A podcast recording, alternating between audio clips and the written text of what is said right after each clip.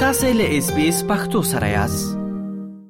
قدرمن اوریدونکو اوس هم زما همکار اسلام ګل افریدی له خیبر پښتونخوا څخه د ټلیفون په کرخه ده له هغه څخه به په پاکستان کې د ورستیو پیښو په اړه جزئیات وورو خغل افریدی مهرباني وکړئ کا په فایل کې له اوریدونکو سره د ورستیو پیښو په اړه معلومات شریک کړئ منیب صاحب مننه لکه څنګه چې ټول ته معلومه ده چې په پاکستان کې د ټول ټاکنو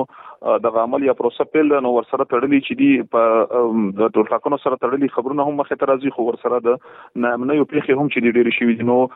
په شمالي وزیرستان کې چې دی په او د شانتي په بلوچستان کې په انتخابي کاندیدانو باندې بریدونه شوی دي چې پکې د یو انتخابي کاندید تر ترڅنګ دوه دوه تنان وجل شوې دي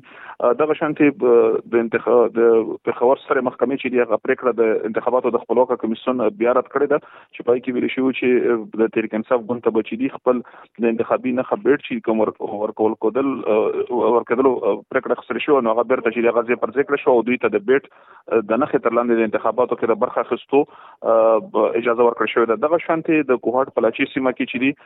د کورنۍ شخړې په سر باندې چې دی یو کور کې چې دی زنانه ماشومان او دغه شانتي مشران یو لستنه چې دی هغه خپل ژوند چې دی هغه د لاس ور کړی دی او دغه شانتي پر لپسې په کوهټ کې په پولیسو باندې برید شوی دی او دغه شانتي په باجوړ کې په پولیسو باندې برید شوی دی چې تر اوسه پورې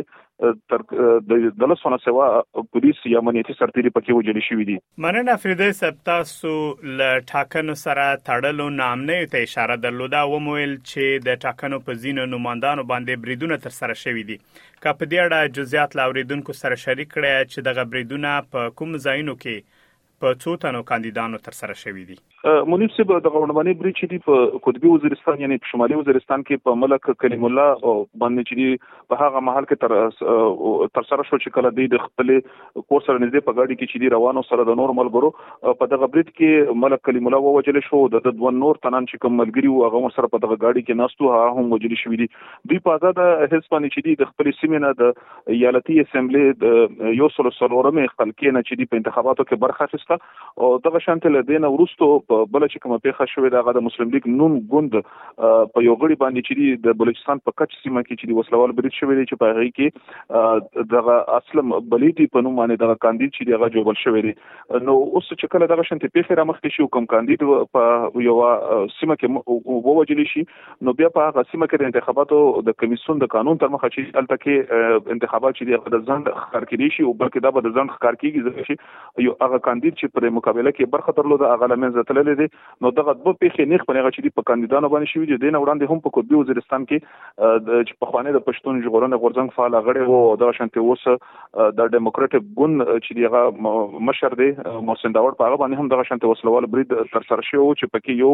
بریدګر چې دی هغه وژل شوی وو نو دغه اوس پر چې دی په امنیتي په انتخابي کاندیدانو باندې چې دی دغه بردونو لړۍ چې دی دا دوه پیښې چې دی لوی پیښې ګڼل کیږي مننه افریدی صاحب تاسو د دې ترڅنګ زینو نورو پیښو ته هم اشاره درلوده تاسو ویل چې په کوهاټ کې د کورنۍ څو تنغړي وژل شوی بیا باجوړ کې پر پولیسو برید شوی دی او داسې نور نامنۍ پیښې هم رامنځته شوې دي کله دغه پیښو په اړه هم جزئیات شریک کړئ چې آیا دا هم انتخاباتو سره کوم تړاو لري منیب صاحب دغه یو پیښه چې په د خبر پښتونخوا په سویلي برخو کې تر شوې ده نو په هغه کې د کورنۍ په شخړه باندې چې دي د خپل خپلوانو ترمنځ د شخړه شوې ده او دغه شانتي دوی کورته ملمانه په هیڅ باندې ورته راغلي وو خو په کومې د خوراک سيزونه چې راوړي نو پاره کې زهر ورکړ شي او دا هغه کورنۍ چې دي چې کوم قربانو دا غي یو لستنه زنانه ماشومان او سړي چې دي هغه وجل شوی دي تاسو چې څنګه د نامنو یو د پیښو خبر وکړه نو په هم کوارټ سیمه کې چې دي په پولیسو باندې تراګری بریټ شوی دي چې په کې سلور پولیس وجل شوی دي او دا شانت د دینه دوه ورځې وړاندې په باجوړ کې د پولیسو په یو غاډي باندې چې دي ماین چوندره وشو چې په کې شپږو پولیسو چې دي خپل ژوند لا سور کړلو دا هغه پولیسو چې د پولیو د کمپاین د پیل کېدو لپاره چې دي په هغه سیمو ته سفر کولو چې چرته کړی دوی دندې چې دی په دندو ګمارل شي نو دغه د نامنې او پیخي چې دی هغه رامخته شوې دي او دغه سه اندخنې خلک څرګندوي چې د انتخاباتو ورځ رانیز کیږي نو دغه د نامنې او پیخي چې دی سوا کېدل چې دی د اندخنې وړ دي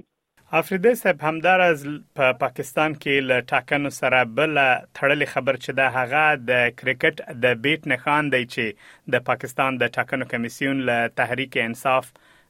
ګوند څخه یا د دغه ګوند له کاندیدانو څخه ویلي دي چې باید واخلي او په دې اړه کوم پرمختګ هم شوی ده وروستي جزئیات په دې اړه څه دي افریدی صاحب منیب صاحب دا د شانتي وای چې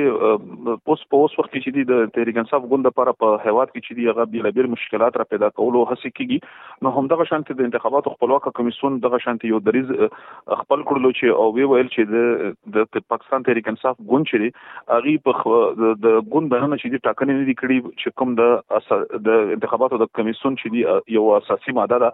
نو دا غي تر مخه چې دی دی قانوني جواز نه لري چې دی د پارټي یا د ګوند په هیڅ باندې په انتخاباتو کې برخه واخلي نو د دې لامل د دینه چې دی د انتخاب په انتخاباتو کې د برخه اخیستو لپاره د بیټ نه خچې دی د دې څخه واخیستل شو خو وروسته بیا د ګوند مشرانو چې دی هغه د پاکستان د پخور سره محکمه مخه وکړه چې په اړه باندې